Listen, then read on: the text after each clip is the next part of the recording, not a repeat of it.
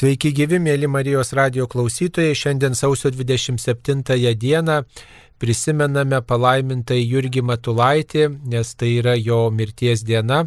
Palaimintasis arkivyskupas Jurgis Matulaitis ilsisi, jo relikvijos ilsisi Marijampolės bazilikoje, Mykolo Arkangelo bazilikoje, specialiai įruoštoje koplyčioje kiekvieno mėnesio 12 dieną yra mažieji palaimintų Jurgio Matulaičio atlaidai. O štai sausio 27-ąją kasmet prisimename jo mirties dieną. Taigi palaimintasis Jurgis Matulaitis žinomas ne tik Lietuvoje, bet ir kai kuriuose kitose šalyse ir ypač pažįstamas Lenkijoje, nes jį ten išgarsino Marijonai. Ir šiandien jūsų dėmesiui kalbame su Marijonų gimnazijos direktoriumi, diakonu Sauliumi Andriuška. Sveiki gyvi. Garbėjai Kristui. Per amžius amen. Taigi, mielas e, e, diakonė Sauliau, jūs esate Marijonų gimnazijos direktorius. Marijonų gimnazija turi senas tradicijas Marijampolėje ir Marijampolė žinoma kaip Marijonų miestas. E, ir e, Marijampolė dabar garsina palaimintasis Jurgis Matulaitis. Ką jums asmeniškai reiškia šis palaimintasis, e, kad jo artumoje, visai netoli jo dirbate ir visai netoli jo gyvenate?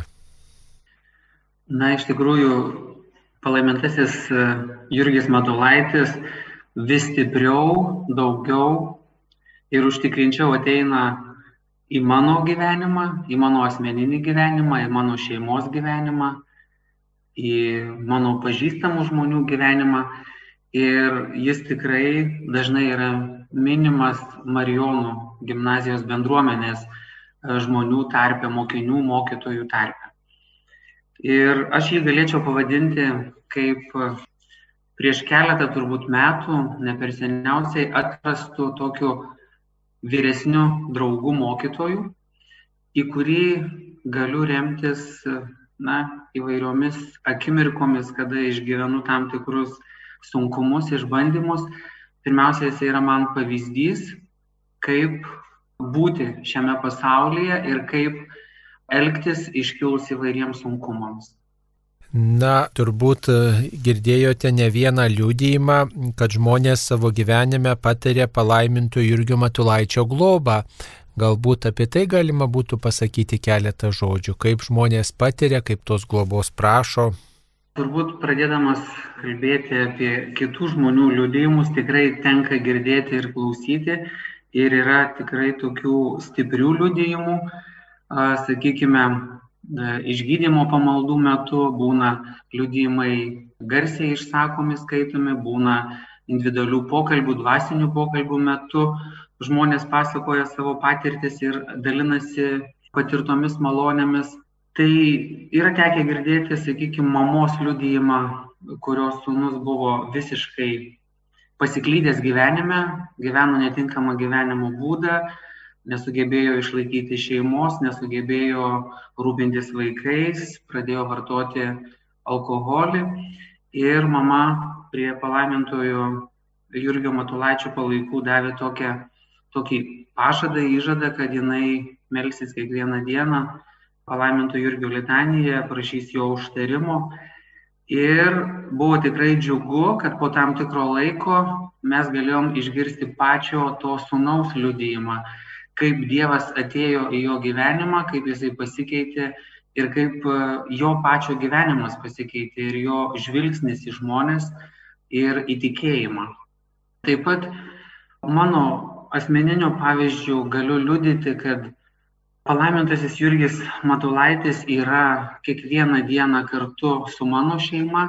Turime šiuo metu tokį sunkų išbandymą, kada mano žmona kovoja su sunkia lyga Ir pirmasis pagalbininkas ir užtarėjas yra Jurgis Matulaitis.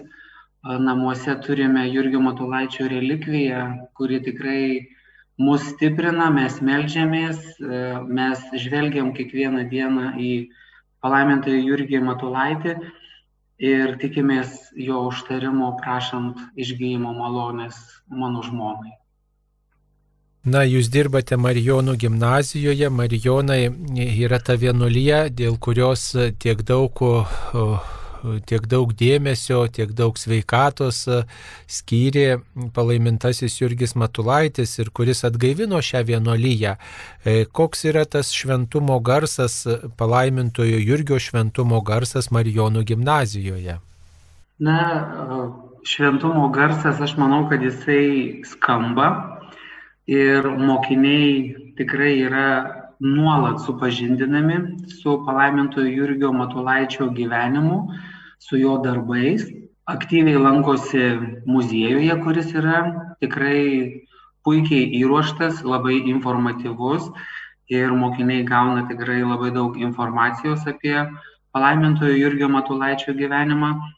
Taip pat e, gimnazijoje būna organizuojamos konferencijos, prieš, jeigu gerai pamenu, prieš porą metų turėjome. Taip pat e, kviečiami žmonės, kurie daugiau žino apie palaimintojo Jurgio gyvenimą, dalintis tą patirtimį su mokiniais. Tikrai yra vedamos pamokos, ypatingai vėlinių laikotarpių, kada yra kalbama apie šventuosius. Tikrai su mokiniais yra kalbama ir apie palaimintoją Jurgį Matulaitį. Ir jisai turbūt, kalbant su vaikais, yra parodomas kaip tas toksai stipri uola e, savo vertybėse, kuris yra pavyzdys mums, kaip nesusižavėti tuo pasaulio lengvumu, malonumais, o siekti vertingų dalykų, siekti rimtų dalykų ir būti ištikimų ir teisingai pasirinkti vertybės, kurios yra būtinos ir reikalingos brandžiam ir dvasingam žmogui. Tai būtent palaimintasis Jurgis Matulaitis yra rodomas kaip pavyzdys. Turime ir įėję į gimnazijos holą atskirą stendą, kuriame yra pristatomas palaimintasis Jurgis Matulaitis ir pagrindinės mintis, pagrindiniai jo gyvenimo dalykai. Tai tikrai yra tėvas, pavyzdys, žmogus, kuris duoda tokį gerą, kasdienybėje gerą toną, einant tikėjimo keliu. Na, o kaip gali tas žmogus, kuris gyveno 20-ojo e, amžiaus e, pradžioje, pirmoje pusėje, dargi 19-ame amžiuje gimęs e, vyskupas, būti šio laikiškam jaunimui tuo pavyzdžiu, tuo tėvu, nes yra nutolęs ir jo tie raštai kartais, tas stilius toks gal jaunimui atrodo truputį, na, tolimas kaip jaunas žmogus štai atranda tą mm, santykį arba tą pavyzdį mato šiame, e, šiame žmoguje? Na, iš tikrųjų, į tai yra ateinama turbūt e, nuosekliai ir palaipsniui. Sakykime, aš ir pats e, turiu tikybos pamokų su vaikais, tai su pradinio amžiaus vaikais yra apie, kalbama apie Jurgutį, kokia buvo jo vaikystė, kaip jisai gyveno, einama į bažnyčią prie palaimintojo Jurgio Matulaičio altoriaus, ten kalbame su juo, pagal galimybės vykstame į Lūginę, į palaimintojo Jurgio Matulaičio tėviškę.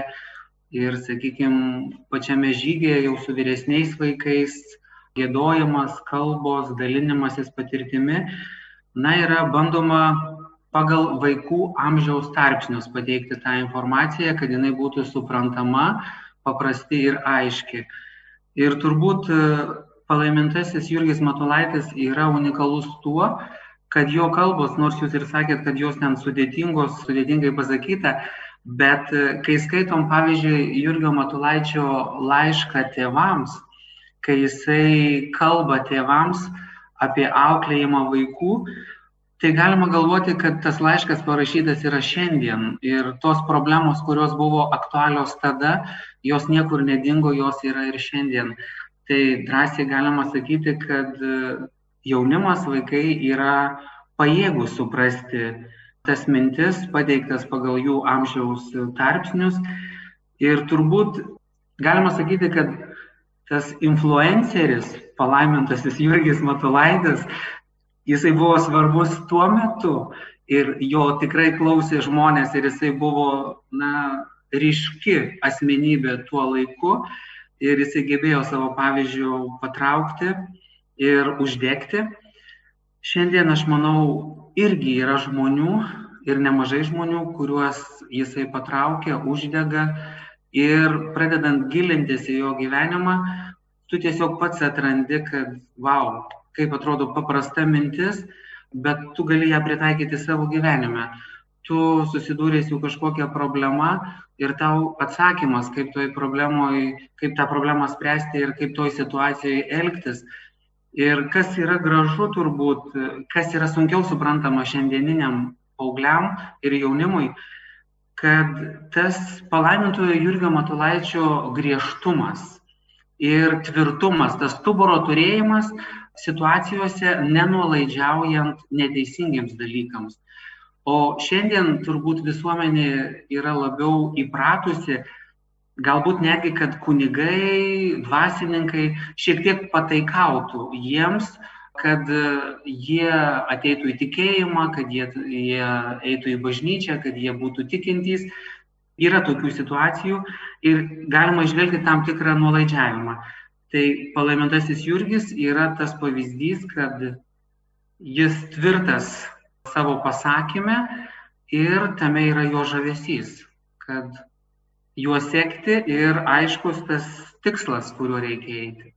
Be to, be to tokio tvirtumo, aiškios krypties, galbūt yra dar kažkokių savybių, kurios būtų aktualios ir šiems laikams iš to e, XIX amžiaus, XX amžiaus pirmos pusės, kai gyveno palaimintasis Jurgis Matulaitis iš jo biografijos, juk vis tiek šventieji yra tie, e, kurie mus moko, kurių, kurių gyvenimas mums gali būti tuo pavyzdžiu, o tas pavyzdys nėra abstraktus, yra konkrečios savybės. Tai dar galbūt priminkime štai vieną kitą savybę, kurio, kurio, kurią turėjo, kuriomis pasižymėjo palaimintasis Jurgis Matulaitis ir kurios galėtų būti aktualios ir dabar. Na, turbūt aktualiausias sakinys, kuris e, tiktų palaiminto Jurgio Matulaičio gyvenimui, e, būtų iš šventojo rašto Jėzaus Kristaus pasakyti žodžiai, kas neima savo kryžiaus ir neseka paskui mane, irgi nevertas manęs. Tai būtent e, palaimintasis Jurgis Matolaitis yra tuo pavyzdžiu, kada jis patyręs įvairiausių išbandymų, sunkumų, jisai seka Dievu, jisai neištižada jo, jisai yra tvirtas savo pasirinkimuose ir jo vertybės yra aiškios. Jisai nežaidžia su vienais, nepataikauja kitiems, jo nuomonė yra aiški ir jisai tą aiškiai deklaruoja. Tai turbūt e, šiandien kalbantys su vaikais ir turėtų būti tas tvirtumas e, einant per gyvenimą, tvirtumas tikėjime, kad nepataikauti nuodėmiai, nepataikauti savo kūnui, savo silpnumui, o siekti e, ugdyti save, siekti to rezultato, ką darė palaimintasis Jurgis, kada jisai tobulino, jisai buvo pavyzdžių kitiem, jis nenuleido rankų, jis netgi kančioj, kentėdamas sugebėjo eiti į priekį ir vesti paskui save kitus. Tai turbūt tai ir yra tos svarbiausios savybės - meilė Dievui, meilė žmonėms ir savo gyvenimo atidavimas, paukojimas Dievui ir kitiems. Tai turbūt mums visiems yra pats gražiausias pavyzdys. Kad matyti ne tik save, bet matyti kitus, matyti tuos, kurie yra šalia tavęs ir jaustis atsakingais už, už kitus. Palaimintasis Jurgis Matulaitis buvo kunigas, e, vyskupas ir vienuolis. Ir atrodo, štai tokio pašaukimo žmogui ir tinka pasiaukoti, netaupyti savęs, pasiaukoti, sudegti kaip žvakiai, jis pats apie tai yra rašęs ir, ir, ir, ir tokiu būdu duoti pavyzdį kitiems pašaukimo broliams. Tačiau daugybė žmonių pasauliečių štai žvelgia į palaimintą Jurgį Matulaitį, jo gyvenimo istoriją, atvyksta į Marijampolę, meldžiasi prie jo relikvijų. E, e, tai kaip gali dvasininkas štai būti tuo pavyzdžiu, pasauliečiams, turintiems šeimas, turintiems įvairias problemas, kurie štai gal neturi laiko nei, nei bažnyčia taip uoliai lankyti, melstis ir, ir, ir susiduria su kitais iššūkiais, tokiais pasaulietiniais iššūkiais, kaip na štai suderinti su palaimintu irgi Matulaičio gyvenimu vat, mūsų laikų iššūkius. Na, aš manau, kad tai yra labai puikiai suderinama ir palaimintojo Jurgio Matulaičio pasiaukojimas ir gyvenimas gali būti pavyzdžių kiekvienam iš mūsų. Kaip būti pavyzdingų mokinių, susiduriant su tais tikrais sunkumais, kaip juos įveikti, mes galime mokytis iš palaimintojo Jurgio Matulaičio. Kaip būti gerų tėvų ir pavyzdžių savo vaikams, atsisakant tam tikrų dalykų dėl savęs, ir pasiaukojant dėl šeimos, dėl vaikų, mes galim taip pat imti pavyzdį iš palaiminto Jurgio Matulaičio. Na ir turbūt ugdydami toje dvasioje savo vaikus, kada yra, kaip augo Jurgis, kad jo gyvenimas ir vaikystė tikrai nebuvo lengva, ugdydami atsakingumą, pareigingumą nuo mažų dienų, tai mes galime mokytis vėl, kad ta mūsų visuomenė jinai būtų kitokia, kad mes nebūtumėm tie tik tai savo naudodami šios žemės vertybės, bet būtumėm tie, kurie mokėtumėme dalintis.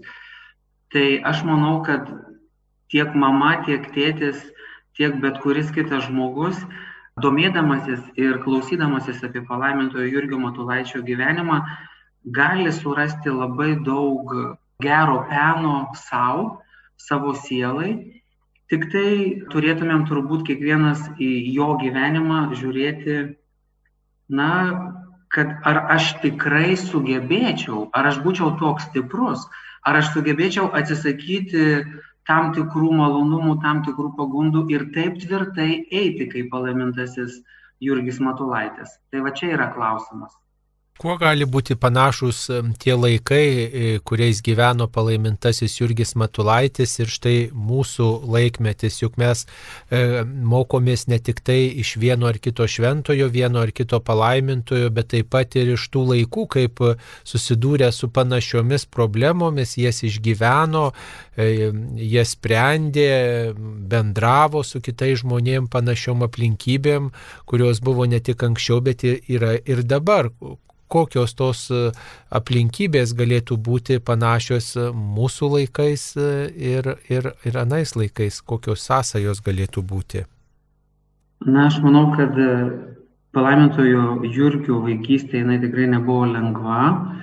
Jis labai anksti susirgo, labai sunku turbūt ir nelengva buvo siekti, siekti mokslo. Šiandien mes irgi turime tokių žmonių, tokių vaikų, kurie kartais ir nori mokytis, bet tų sąlygų neturi ir turi įdėti daug daugiau pastangų, kad galėtų mokytis, kad galėtų šviestis, kad galėtų įgyvendinti savo, savo svajonės. Nors mes atrodo gyvename jau 21 amžiuje, kuris yra kardinaliai kitoks ir pasikeitęs, bet e, tikrai dar yra daug žmonių ir daug vaikų, kurie yra aš manau, apleisti tam tikrą prasme, negaunant to visaverčio išsilavinimo ir neturintis paskatinimo. Jurgis tuo metu turėjo šeimos pastiprinimą, palaiminimą siekti to kitokio gyvenimo, siekti mokslo ir jam tai pavyko. Na ir turbūt čia mes kiekvienas žvelgdami į tas situacijas galime galvoti, kad buvo trukdžių ir tada, yra trukdžių ir dabar. Susidurėm su sunkumais, e, kuriais susidūrė Jurgis. Mūsų vaikai šiandien galbūt dauguma susiduria su kitokiais sunkumais, bet jų irgi yra. Mes e, žmogiška ta prigimtis yra žmogiška prigimtis ir mes esame tokie Dievo kūriniai, kokie esame, tik tai ne visi norime išnaudoti tas visas dovanas, kurias gavome iš Dievo. Palaimintasis Jurgis Matulaitis jas išnaudojo pilnai ir atsivėrė pilnai, o šiandien kiekvienas iš mūsų esame skatinamas ieškoti, atrasti ir mokytis atiduoti, dalinti save tiems, kurie yra šalia mūsų. Paprastai mes ne tik tai e, iš pavyzdžio mokome šventųjų, svarstome, kokie jie buvo, bet taip pat labai traukia mūsų dėmesį stebuklai, kuriuos, e, na, per e, šventųjų palaimintųjų užtarimą žmonės patiria. Kartais žmonės štai prašo įvairiausių stebuklų ir atrodo šventieji tarsi dėlse, arba galbūt žmonės neprašo. E, ką galėtume apie tai pasakyti? Ar iš tiesų šventieji kažkaip dėlse, gal viešpats per juos dėlse padaryti tų stebuklų, kurių mes visi norime gyvenime patirti, ar sveikatos rytyje, ar kažkur kitur, o galbūt mes nemokam prašyti, gal nėra ta, tas prašymas toks intensyvus, gal mūsų malda nėra tokia uoli, kaip, kaip reikėtų, kad, kad reiškia, vienas ar kitas stebuklas mūsų gyvenime įvyktų, kaip manote. Na, aš galvoju, kad tie išbandymai, kuriuos mes kiekvienas patiriam savo gyvenime, jie nėra šiaip savo mums duoti. Ir aš manau, kad jie įvyksta tuo momentu, kada mūsų gyvenime jie daro pačią didžiausią įtaką ir pokytį. Ir tikrai žinau žmonių ir, ir pats galiu liudyti iš savo patirties, kad kartais būna taip, kad pradedi gyvenimą gyventi, na taip, atsikeli ryte, keliauji per dieną, atlieki pareigas, atlieki visus darbus, kuriuos turi padaryti, vėl vakaras, vėl kita diena ir pameti tą, tą gilesnį žvilgsnį į kasdienybę, pameti žvilgsnį ir sugebėjimą džiaugtis kiekviena akimirka, kartais labai paprasta akimirka.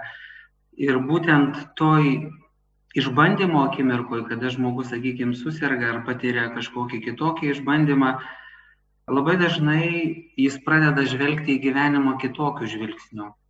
Jis pradeda kitaip vertinti situaciją, pradeda kitaip vertinti žmonės ir išmoksta džiaugtis paprastais dalykais savo gyvenime ir tada supranta, kad nereikia labai daug, kad būtum laimingas, kad sugebėtum realizuoti save, kad sugebėtum atlikti savo misiją.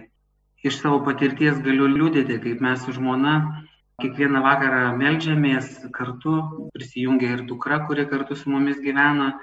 Taip pat keliaujame kiekvieną vakarą po 8, po 10 km aplink Marijampolę, kalbam rožinį, Ir tos akimirkos, jos yra tokios nuostabios, kada mes esam kartu, kada mes kartu melžiamės, sukalbėję rožinį, litaniją, dar turim pusvalandį ėjimų, kada mes kalbamės apie save, apie savo kasdienybę, apie savo jausmus, o visą tai mes jau buvome kaip ir nustumę į šoną. Mes gyvenom tą gyvenimą tokį kasdienybės pilną ir tam tikra rutina užpildyta.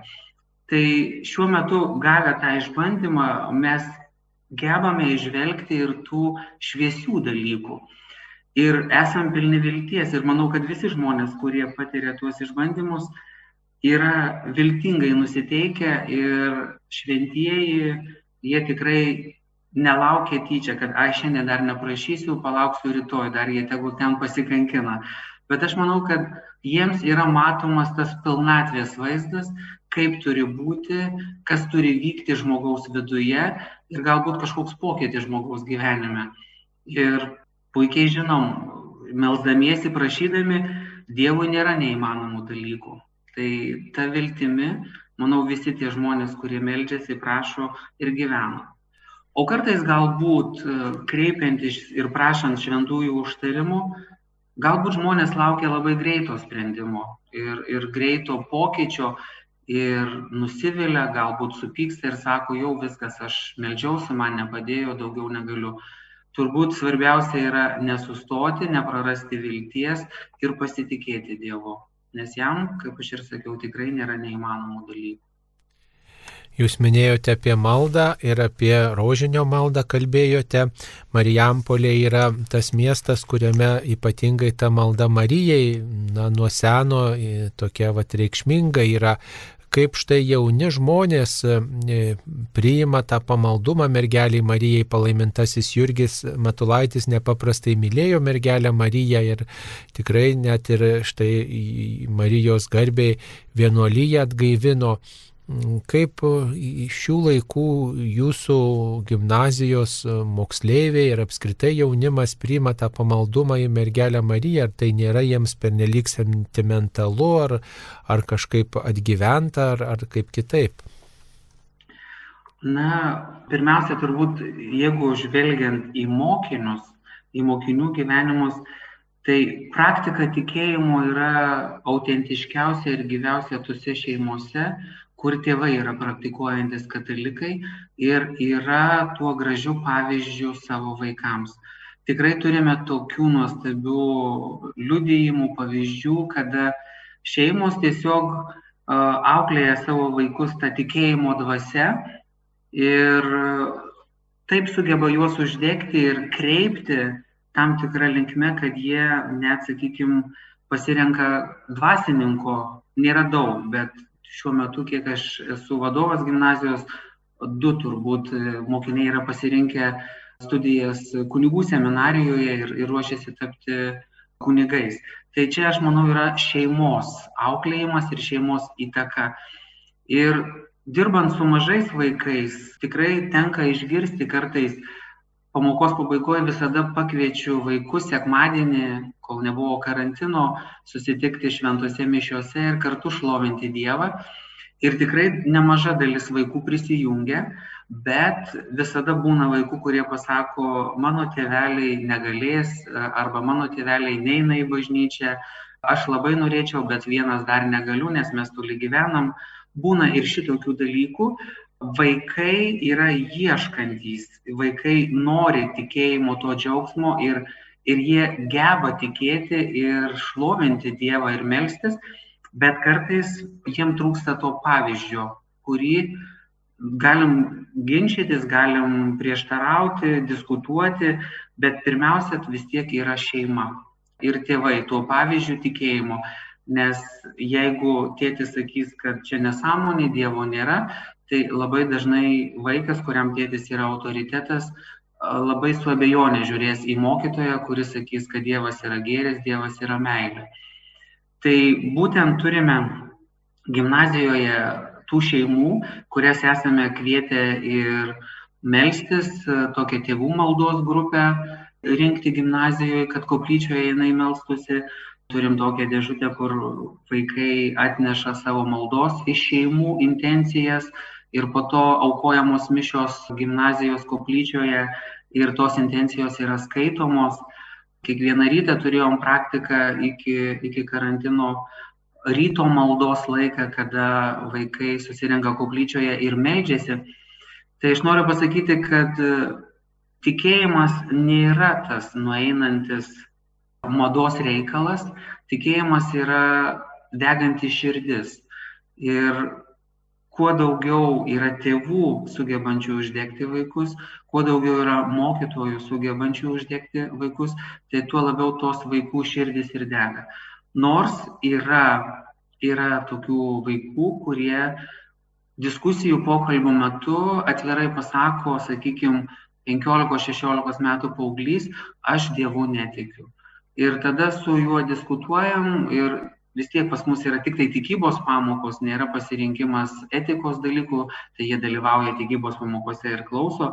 Tai tada mūsų ta pozicija yra to grūdo išberimo, kad mes kalbam, mes pateikėm žinias ir tas vaikas vis tiek kažkada ir jau būdamas jaunu žmogum, būdamas brandžiu žmogum, susitiks, aš manau, Dievą ir jo gyvenime įvyks pokytis, nes anksčiau ar vėliau dažniausiai tai įvyks. Palaimintasis Jurgis Matulaitis nekarta yra sakęs savo vienuolijos broliams ir e, kitiems žmonėms štai e, apie tą pasiaukojimo būtinybę. Jis pats e, mėgo visokias tokias asketinės praktikas ir netgi tas jo šūkis reikiuokitės ir aukokitės e, prisimenamas e, ir šiais laikais. Tačiau kiek jaunam žmogui tas pasiaukojimo aspektas yra svarbus, kiek, kiek galbūt, kiek mes galim jį pritaikyti ir, ir, ir taip sakyti jaunimui, kad jie išgirstų štai šitą pasiaukojimo kvietimą aukoti, skirti savo jėgą, savo laiką dėl bažnyčios arba dėl kitų iniciatyvų, dėl šeimos, ar jaunimui tai yra priimtina šita Matulaičio mintis apie pasiaukojimą? Na, aš kaip ir turbūt minėjau, yra įvairių nuomonių. Manau, kad tikrai nemažai daliai jaunimo ta mintis apie pasiaukojimą yra priimtina, kadangi na, jie patys turi tam tikrų patirčių savo gyvenime, kada jie irgi turi tam tikrą prasme mokytis pasiaukoti. Na, pavyzdžiui, kad ir savanorystė senelių globos namuose, kada jie turi surasti laiko, nueiti ir bendrauti su tais vyresnio amžiaus žmonėmis, kada jie ten, sakykime, yra tokių pavyzdžių, kada eina skaityti uh, knygų, kalbėtis, išklausyti. Ir turbūt kartais būna tų situacijų, kur ir nelabai malonių, bet e, vis tiek jie sugeba save nugalėti ir eiti. Yra dalis jaunimo, yra dalis vaikų, kuriems tai yra nepriimtina ir kurie pirmiausia mato save. Negalim apie šitą nekalbėti ir tai yra visose srityse. Jeigu jam reikia įdėti pastangų mokantis ir jam nepasiseka išmokti, nes jis patingėjo, tai tokiam jaunuoliui kartais bus paprasčiau pasakyti, kad mokytoja neišaiškino ir nesugebėjo jo sudominti tuo dalyku, kurį jis privalėjo išmokti. Tai noriu pasakyti, kad tokių atvejų visada mes turime. Bet yra tikrai daug gražaus jaunimo, kada susibūrė bendram tikslui ir mes čia turėjom tokią akciją irgi, kad atsisakyk e, saldumynų, aukok tuos pinigus ir pirkom prieš kalėdas, ne šiemet truputį anksčiau, turguje kartu su vaikais įvairius drabužius, kelnes, triukės ir vežėme į šeimas, sunkiai gyvenančiam šeimom ir tie patys vaikai irgi vyko ir matė tas sąlygas, kuriuose tie vaikai gyvena ir išgyveno tą dovanojimo džiaugsmą tai yra mažais žingsniais, kaip aš ir minėjau, pagal tas amžiaus grupės. Su pradinukais yra kalbama vienaip, su paaugliais e, kitaip, na, o su vyresnių klasių mokiniais, kurie jau yra beveik suaugę žmonės, dar kitaip. Ir manau, kad jie geba suprasti tą pasiaukojimo svarbą ir didžioji dalis, manau, kad sugeba pamatyti kitą žmogų, padėti kitam žmogui ir pagal savo galimybes atsisakyti kažkokio tai dalyko arba pasiaukoti tam tikrą prasme. Palaimintasis Jurgis Matulaitis apie bažnyčią sakė, kad tai yra jo numylėtoji ir e, tikrai e, su tokiu ilgesiu, su tokiu susižavėjimu turbūt skaitome jo mintis apie bažnyčią, kad jis ją labai brangino, labai gynė, dėl jos e, tikrai nukentėjo dėl, dėl to bažnyčios e, vardo apginimo. Kaip mano, šiais kritikos ir tokio cinizmo ir skepticizmo laikais, laikais ar iš tų pačių tikinčių žmonių, ne tik, nebūtinai vien tik iš moksleivių, bet apskritai iš tikinčių žmonių, gal reikėtų daugiau tokios meilės bažnyčiai, kad mes ne tiek, kad kritikuotume bažnyčią tokią, bažnyčią tokią čia, bet iš tiesų labiau mylėtume šitą bendruomenę ir, ir patys save tapatintume, kad esam tos bažnyčios nariai, kad tai nėra tik ta institucija, bet, bet yra bendruomenė ir, ir kuri tikrai na, reikalauja tokio mūsų aktyvesnio dalyvavimo, maldos ir, ir, ir kitų tokių iniciatyvų. Na, va štai to pasimokytos meilės bažnyčiai gal tikrai galėtume ir šiais laikais, kaip manot. Na, čia vėl aš kaip ir sakiau, labai didelė dalimi ugdant vaikus priklauso nuo tėvų požiūrių, kokia yra tėvų pozicija bažnyčios atžvilgių džiugina aišku ir yra džiaugsminga tai kad tikrai nemaža dalis vaikų ir tėvų yra praktikuojantys ir eina į bažnyčią. Ir liūdnas dabar yra šitas laikas, kada, kada yra karantinas ir negali ateiti žmonės melstis į bažnyčią ir kažkaip kartais pagalvoju, kokios bus viso to pasiekmės, ar žmonės sugrįž, ar žmonės vėl išgyvens, įsijaus į tą praktiką, į tą bažnyčios gyvenimą. Ir manau, kad pakvietų žmonės, žiūrint, kaip pačios bažnyčios atstovai elgesi. Jeigu kalbina, jeigu pakviečia, aš manau, kad 90 procentų atsiliepia žmonės. Žmonės išgirsta ir įsitraukia į tą veiklą. Tik tai turbūt reikėtų pačiai bažnyčiai kalbėtis, neužsidaryti. Ir, sakykime, aš kaip diakonas irgi tekia yra dalyvauti išgydymo pamaldose, kada su žmonėmis bendrauji ir kalbėsi, supranti, kad žmonėms bažnyčia yra kaip vaistas, kaip sielos vaistas, kurie ateina su savo rūpeščiais, su savo skausmais ir bažnyčioje jie gauna tą ramybę, jie gauna, sutinka gydytoją, sutinka Dievą ir išeina pasikeitę, išeina kitokie. Tai galvodami apie tą bažnyčios teikiamą naudą, mes kiekvienas tėvas, motina turime taip auginti savo vaikus, kad jie norėtų eiti į bažnyčią. Aš pats turiu tris dukras ir auginant jas irgi buvo visokių iššūkių ir paauglystėje buvo tokių momentų, kada, sakykime, dukra sako, tėti, aš abejoju Dievu, aš galvoju, ar čia taip tikrai yra. Ir mes labai daug kalbėdavomės. Ir kai jinai ūktelėjo ir pati turėjo problemų savo gyvenime, jinai man sako, tėti, aš nežinau, kaip aš būčiau iš, ištvėrus ir išgyvenus tuos sunkumus, jeigu aš savo gyvenimą neturėčiau Dievo.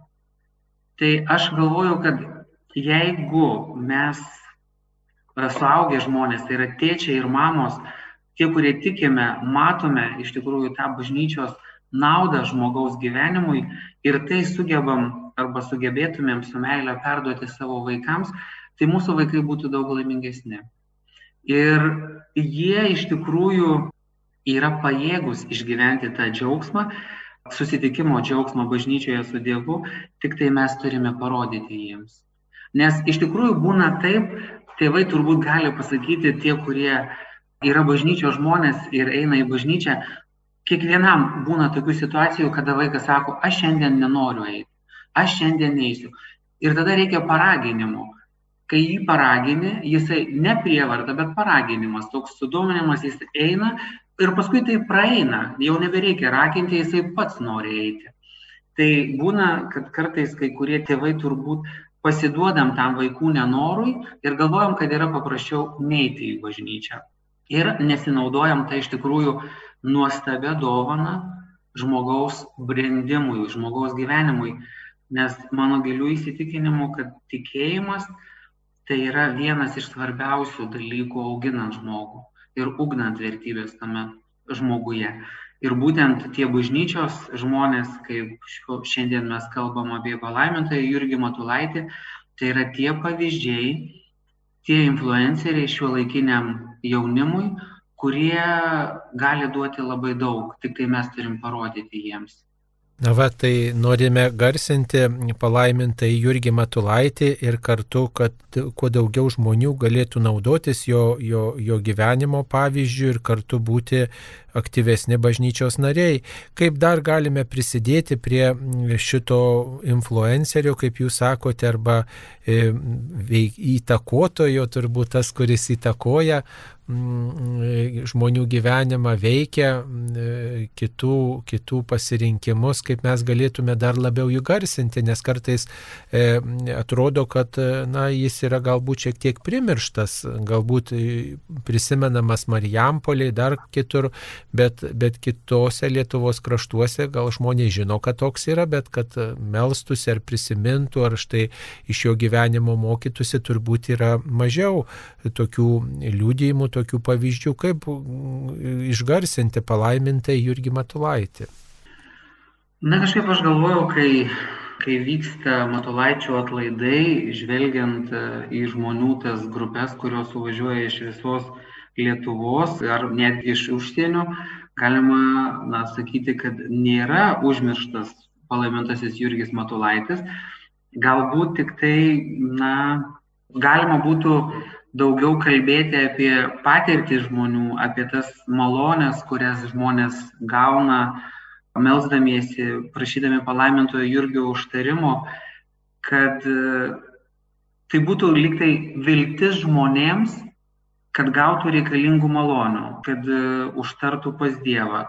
Nes galbūt kai kurie žmonės, ir aš pats tiesą sakant, aš nežinau iki kiek metų, nežinojau apie šventuosius, nes mano šeimoje, kurioje aš augau, nebuvo tikėjimo, tikėjimas praktikuojamas, labai retai būdavo nueinam į bažnyčią ir Dievo ieškoti pradėjau būdamas 18-19 metų.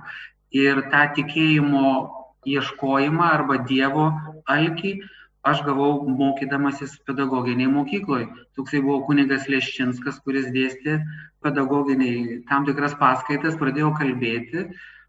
Mane kažkaip sudomino, aš pradėjau ateiti į bažnyčią ir įvyko tas atsivertimas, kada, kada aš pajutau gyvojo Dievo buvimą savo gyvenime, būtent per liudėjimą, per žmonių liudėjimą. Tai ir šiandien turbūt reikėtų daugiau kalbėti, daugiau liudyti ir savo gyvenimais turbūt turėtumėme liudyti tai, ką mes gauname iš šventųjų ir palaimintųjų. Ir būtent e, kalbėti apie palaimintą Jurgį Matulaitį turbūt reikėtų siekiant, e, kaip aš ir sakiau, nepataikauti šios dienos kultūrai, vartotojiškui požiūriui, o ugdant savimi pasitikinčius, tvirtus, tvirtai žinančius, ko noriu, gebančius atsispirti. Ir čia pavyzdys tikrai palaimintasis Jurgis Matulaitis. Na ir mūsų laidos pabaigai galbūt kokią mintį jūs galėtumėte štai šiandien priminti e, iš palaiminto Jurgio Matulaičio užrašų, pamokslų, e, skaitytą, jūsų apmastytą, jums artimą, kuri, kuri tikrai galėtų ir šiandien mums būti tuo E, įkvepiančių, padrasinančių sakinių? Turbūt svarbiausia tai, kad palaimintasis Jurgis Matulaitis meilę Dievui liudijo savo darbais. Jis neieškojo savęs, nesiekė išsaugoti savo gyvybės, o buvo pasirengęs prarasti save ir savo gyvybę dėl kitų. Ir būtent dėl to na jis yra žinomas ir svarbus mums visiems. Gal gražiausia jo mintis man tai yra būtent, kad sudegti kaip tai žvakiai dėl kitų ir dėl Dievo garbės. Mėly Marijos radio klausytojai, šioje laidoje jums kalbėjo Marijonų gimnazijos direktorius Diekonas Saulis Andriuška, kuris darbuojasi visai netoli palaiminto Jurgio relikvijų, kurios yra saugomos Švento Arkangelio Mykolo bazilikoje. Ir šiandien sausio 27-ąją prisimename ir minime e, šio palaimintojo mirties dieną, nes palaimintasis Jurgis Matulaitis mirė 1927 metais, sausio 27 dieną mirė Kaune, buvo palaidotas Kauno arkikatedroje bazilikoje, vėliau perlaidotas Marijampolėje ir 80, 1987 metais paskelbtas palaimintuoju, tą padarė šventasis popiežius Jonas Paulius II ir kiekvieną mėnesį, 12 dieną, kreipiamės į palaimintąjį Jurgį Matulaitį prašydami jo užtarimo, ypač sveikatos reikaluose, o ir mokomės kitų dalykų iš jo Lietuvos sūnaus. Taigi tegul mus visus palydi palaimintasis Jurgis Matulaitis ir jo gyvenimo pavyzdys. Diekona Sauliu Andriušką kalbino aš, kunigas Saulis Bužauskas. Visiems Dievo globos. Ačiū sudė.